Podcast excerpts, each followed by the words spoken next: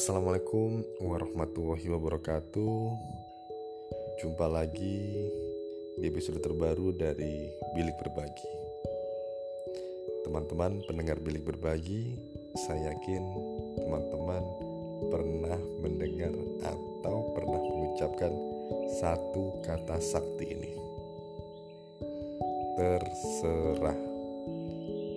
Kata ini sangat famous karena punya banyak makna. Kita sering kali ngomong terserah untuk berbagai macam momen dengan banyak makna yang tidak sama. Oke, kita coba bahas ya. Makna dari kata terserah ditinjau dari banyak situasi. Terserah adalah satu kata yang sering digunakan untuk menjawab sebuah pertanyaan yang akhir dari pertanyaan ini sering kali menggantung karena kena kata terserah. Kita sering buat banyak orang bertanya sehingga mereka kebingungan dan akhirnya mereka bete sendiri. Bukan apa-apa sih, kata ini sering kali menimbulkan makna ambigu bisa berarti iya bisa berarti enggak. Bisa juga beneran bisa juga enggak. Mau iya atau enggak bisa juga enggak masalah. Tuh kan bingung kan? Versi saya tentang kata terserah bisa punya beberapa makna. Makna ini sepertinya sangat bertentangan dengan yang ada di kamus besar bahasa Indonesia yang pertama, terserah sama dengan aku bingung aku mau apa. Nah lo, nih orang yang bilang terserah adalah tipikal orang yang pingin orang lain kasih saran atau rekomendasi ke dia. Kalau rekomendasinya pas, alhamdulillah. Kalau meleset, ya siap-siap aja diamu. Ujung-ujungnya yang mau kasih rekomendasi atau saran biasanya deg-degan ragu mau kasih rekomendasi atau enggak. Yang kedua, terserah sama dengan tidak. Ini terserah yang butuh keahlian micro expression. Karena terserah versi ini identik dengan muka masam, jutek, dan ketus dari pengucapnya.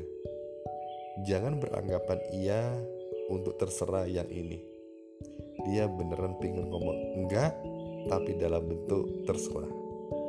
Tuh kan? Tambah ruwet kan? Yang ketiga terserah.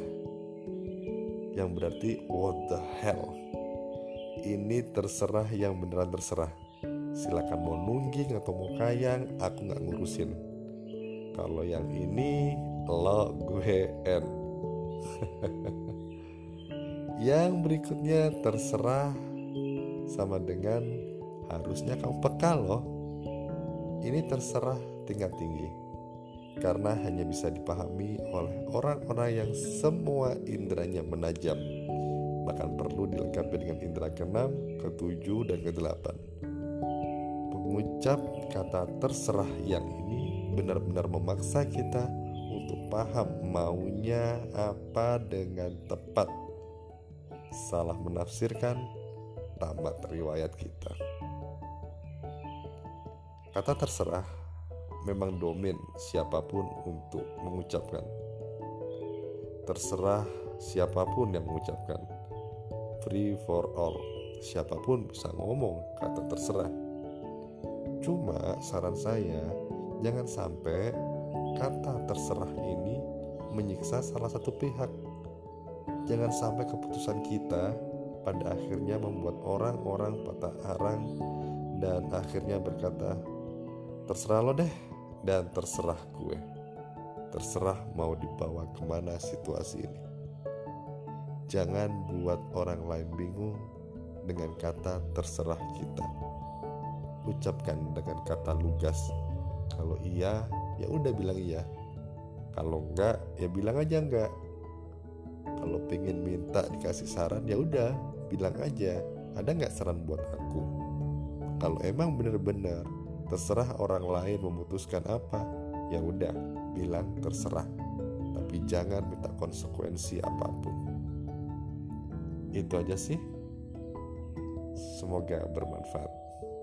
Sampai jumpa di episode berikutnya dari bilik berbagi. Wassalamualaikum warahmatullahi wabarakatuh